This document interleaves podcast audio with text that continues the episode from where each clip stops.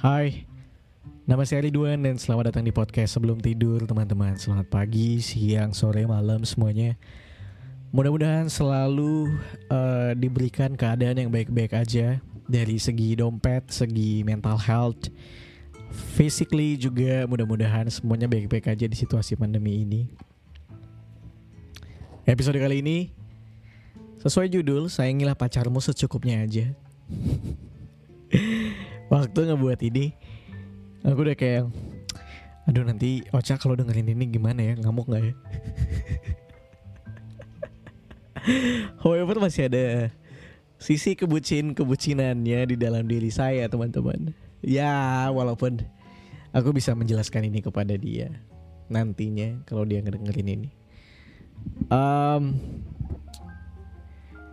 Uh, sekali lagi aku pengen kasih tau juga kalau episode ini ditujukan buat kamu yang masih pacaran, bukan buat kamu yang sudah menikah, sudah bersuami istri.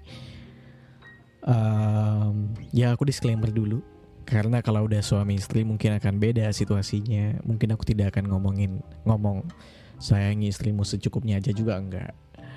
Uh, aku bicara ini sebagai untuk bukan sebagai untuk orang-orang yang masih pacaran dan untuk orang-orang yang masih berada di usia muda. Uh, kalau kamu sudah memasuki usia-usia matang untuk menikah, maybe mungkin ini tidak relate buat kamu. Uh, ini buat kamu yang mungkin masih seusiaku 18. Aku bukan 18 tahun, tapi usia 18 sampai 23, 24 maybe. Ya usia-usia segitulah. Usia-usia masih pencarian masih ada hubungannya juga sama kenapa sih pada nikah muda di episode sebelumnya. Kalau misalnya kamu pengen dengerin, coba uh, throwback ke belakang. Uh, sayangi pacar kamu secukupnya aja. Udah kayak Hindia secukupnya. Um, kenapa aku pengen ngomong gini ini? Karena aku bisa bilang uh, di luar sana di Indonesia banyak banget pasangan-pasangan yang kayaknya benar-benar memuja-muja keuuan, keroman romantisme. Uh, selalu cewek-cewek di luar sana sensitif suka banget sama hal-hal yang u relationship goals dan hal-hal lainnya yang ya bukan aku nggak suka ya. Uh, aku suka-suka aja gitu. Uh, dan mungkin aku juga melakukan itu beberapa kali kepada pacarku sendiri gitu. Tapi mungkin tidak tidak sering uh, dan tidak banyak variasinya. uh, yang aku lihat tuh pasangan-pasangan muda di luar sana tuh bener-bener meromantisme kan hubungan gitu, memuja-muja hubungan yang so sweet, berlebihan gitu. Kayak kemarin uh, di Twitter tuh ada yang lucu banget teman-teman. Aku habis ngeliat ada orang nge-tweet akun personal bukan akun alter kayaknya. Dia bilang uh, seru banget ya punya pasangan yang bisa teleponan sampai 13 jam gitu. Dia bilang kayak gitu. Oh sorry ya buat kamu yang mungkin teleponannya nggak sampai 13 jam sama pasangan kamu. Mungkin kamu sama dia nggak cocok aja. Mungkin kamu sama dia eh, nggak uh, seru aja. Hahaha.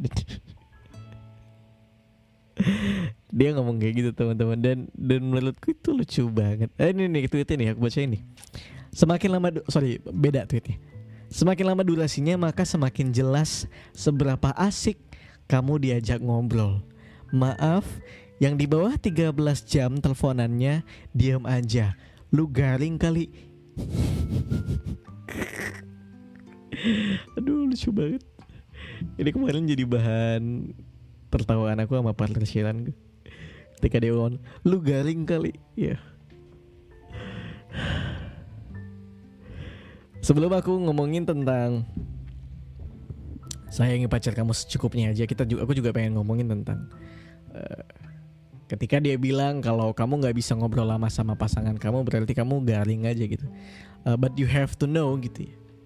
Akan kan juga ada statement yang bilang uh, cari pasangan tuh yang nyaman buat ngobrol sama kita gitu ketika ngobrol kita nyambung gitu dia bilang gitu karena nanti ketika ketua apalagi yang bisa kamu lakuin selain ngobrol bareng uh, duduk berdua dan ngobrol bareng. Well, ya aku setuju, tapi ada sisi lain yang sepertinya perlu kita kulik juga gitu. Kalau ternyata nyaman tuh bukan sekedar nyaman sama pasangan tuh bukan sekedar enak ketika kita ngobrol atau ngobrol bareng atau nyambung ketika kita ngobrol bareng gitu tapi ternyata ada momen di mana kita tetap merasa nyaman sama dia walaupun kita sedang tidak melakukan apa-apa kita nggak lagi megang HP kita nggak lagi ngobrol udah diem aja gitu misalnya kita lagi duduk berdua uh, duduk berdua di pantai nggak ngapa-ngapain menikmati suasana yang ada dan kita tetap merasa nyaman-nyaman aja tanpa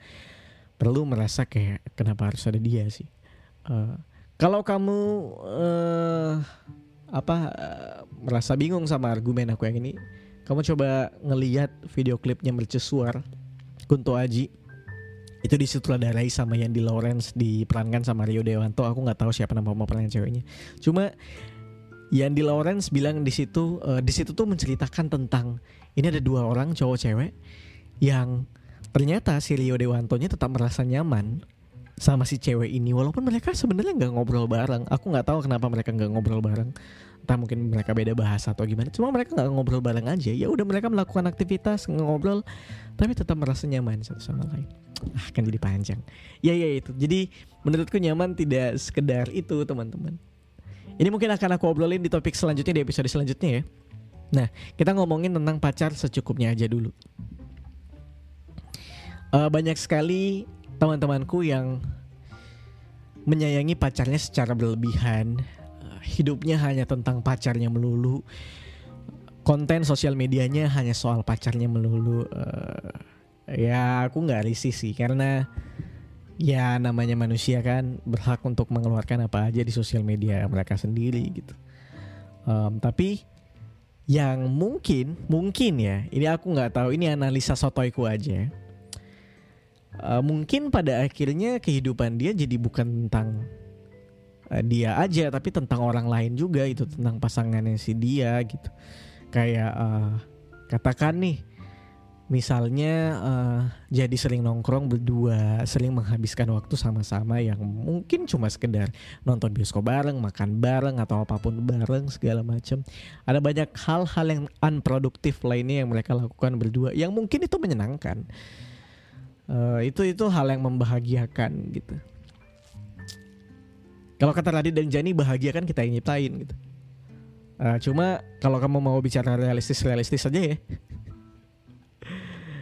Uh, bahagia tuh bukan cuma tentang bahagia pada saat ya kamu melakukan hal-hal yang bahagia tentang dia. Tapi ternyata uh realistis realistis saja pada akhirnya akan kamu juga perlu menyiapkan kebahagiaan di di masa depanmu nanti gitu.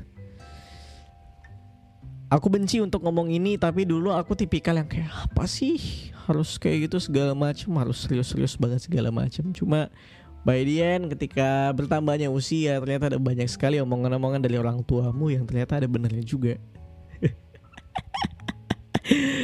um, gini, bicara hidup bukan tentang pasanganmu lulu pasanganmu melulu hidup bukan tentang pacarmu melulu gitu. Nah, buat kamu yang mungkin sedang berada di usia 20-an 25 ke bawah eh, sedang berada di hubungan yang selalu merayakan hubungannya satu sama satu sama lain merayakan romantismenya satu sama lain di share ke sosial media dan lain-lain. It's a good things kalau ternyata hubunganmu bisa dijual ke klien bisa dijual ke uh, brand brand luar sana untuk dijadikan sarana endorsement. It's a good thing karena itu jadi duit.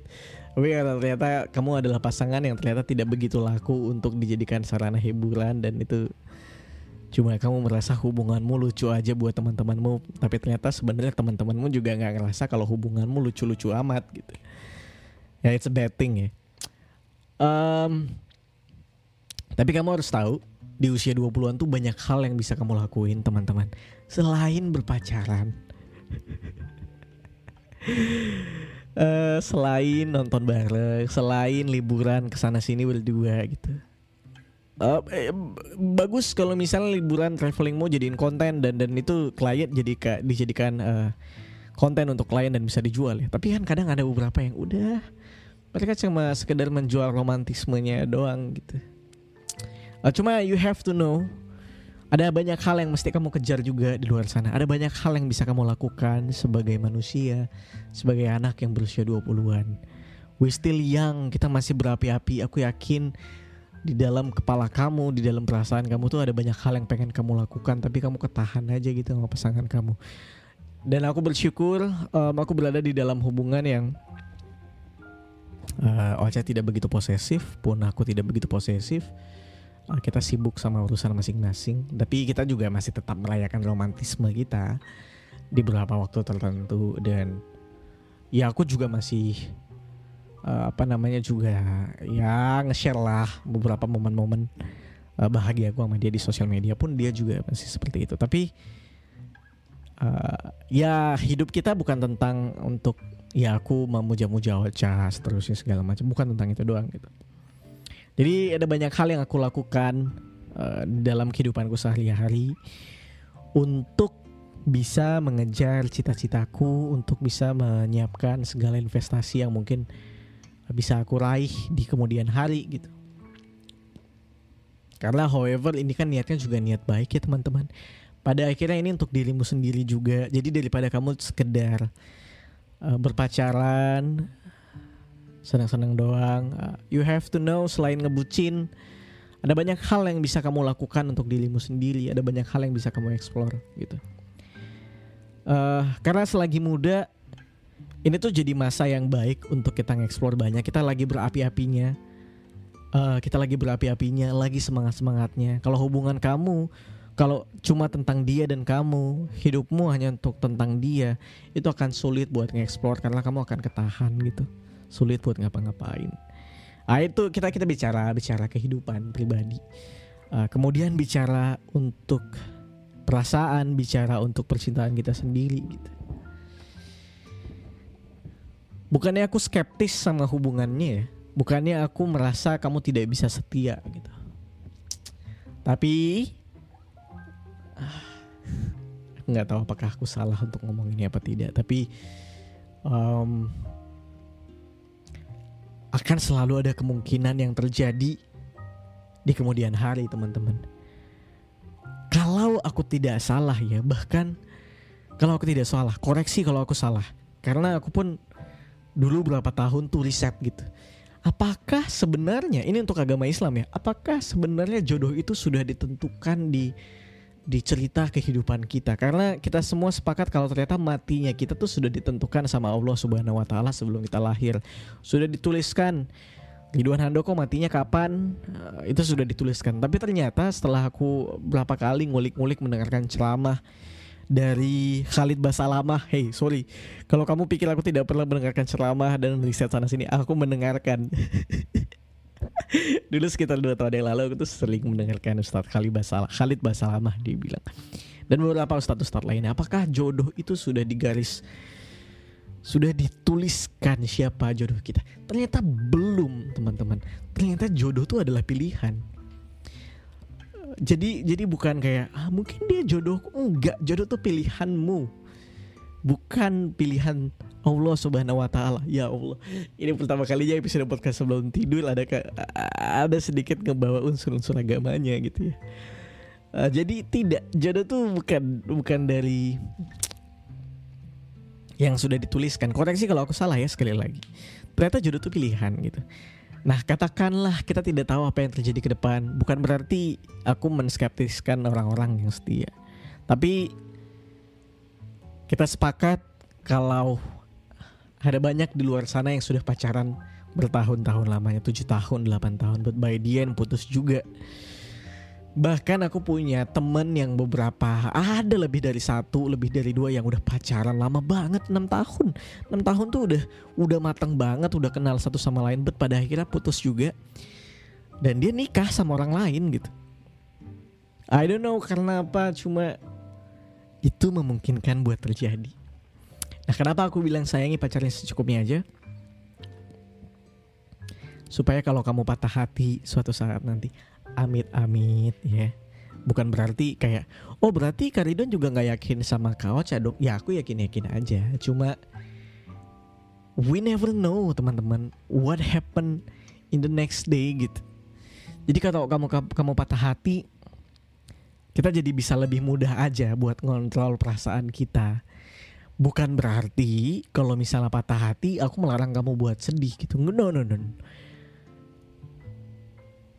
patah hati itu sudah bagi sudah jadi bagian dalam mencintai teman-teman. I believe in that. Uh, bukannya nggak boleh patah hati. Ya ya kamu boleh untuk bersedih uh, merenungi hal-hal yang sudah terjadi sama pasangan kamu. Ya amit-amit aku pun sudah ngebayangin kalau misalnya aku putus gitu ya. Uh, walaupun aku belum lama pacarannya masih setahunan. Kalau amit-amit kalau aku putus but aku bisa bilang ada banyak sekali kenangan yang yang ada sama pasanganku ada banyak sekali kebiasaan-kebiasaan yang sudah jadi rutinitas akhirnya sama pasanganku yang mungkin kalau misalnya satu kebiasaan atau dua kebiasaan ini hilang nantinya ya itu bisa bisa nyedihin aku. Jangan kan putus. Sekedar misalnya nih aku sama Ocha ada rencana untuk Ocha mau ke Jakarta aku mau balik ke Pontianak misalnya. Dan kita tahu kita akan menjalani LDR itu aja udah ngebuat aku sedih sebenarnya. Uh, jadi ketika kita patah hati nantinya ini akan jadi lebih dikontrol. Karena however your life must go on kan. Pada akhirnya ketika kamu patah hati ketika kamu sudah sendiri lagi dan kamu masih hidup?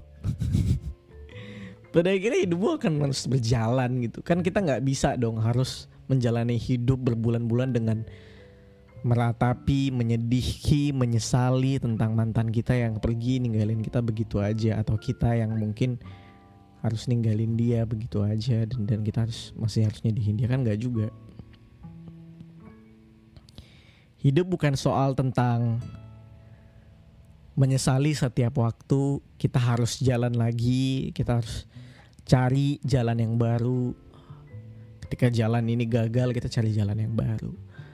Um, ya life must go on gitu.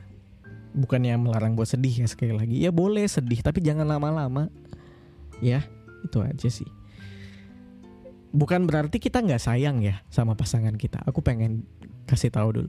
Bukan berarti kita nggak sayang sama pasangan kita, but kita masih muda. Ada banyak hal yang masih bisa kita lakukan. Bukan berarti kita nggak sayang, tapi janganlah ngebucin, ya.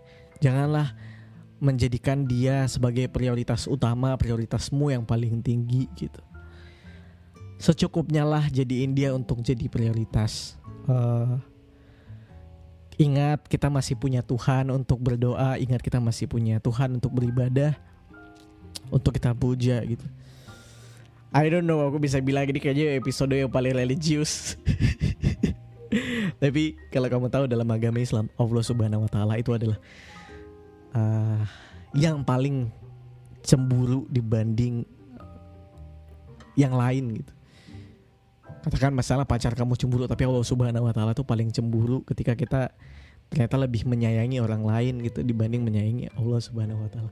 Allah Subhanahu wa taala. Ya Allah. Religius sekali episode saya di podcast tidur kali ini. Iya ya, ingat kita masih punya Tuhan. Uh, ingat juga kita masih punya keluarga, kita masih punya orang tua. Uh, kalau kamu masih punya orang tua, sorry Ingat kita masih punya keluarga uh, yang masih perlu kita prioritasi, yang masih perlu kita sayangi. Dan terakhir, ya I don't know di luar sana pendengarku seperti apa. Mungkin ada yang nggak punya keluarga lagi. Ya I don't know. But kalau misalnya emang kamu berada di situasi seperti itu, ingat, ingat, ingat sebelum kamu mengingat pasangan kamu sendiri, uh, kamu juga harus ingat kamu perlu ngebahagiain diri kamu sendiri juga kan selain ngebah ngebahagiain pasangan kamu doang. That's it.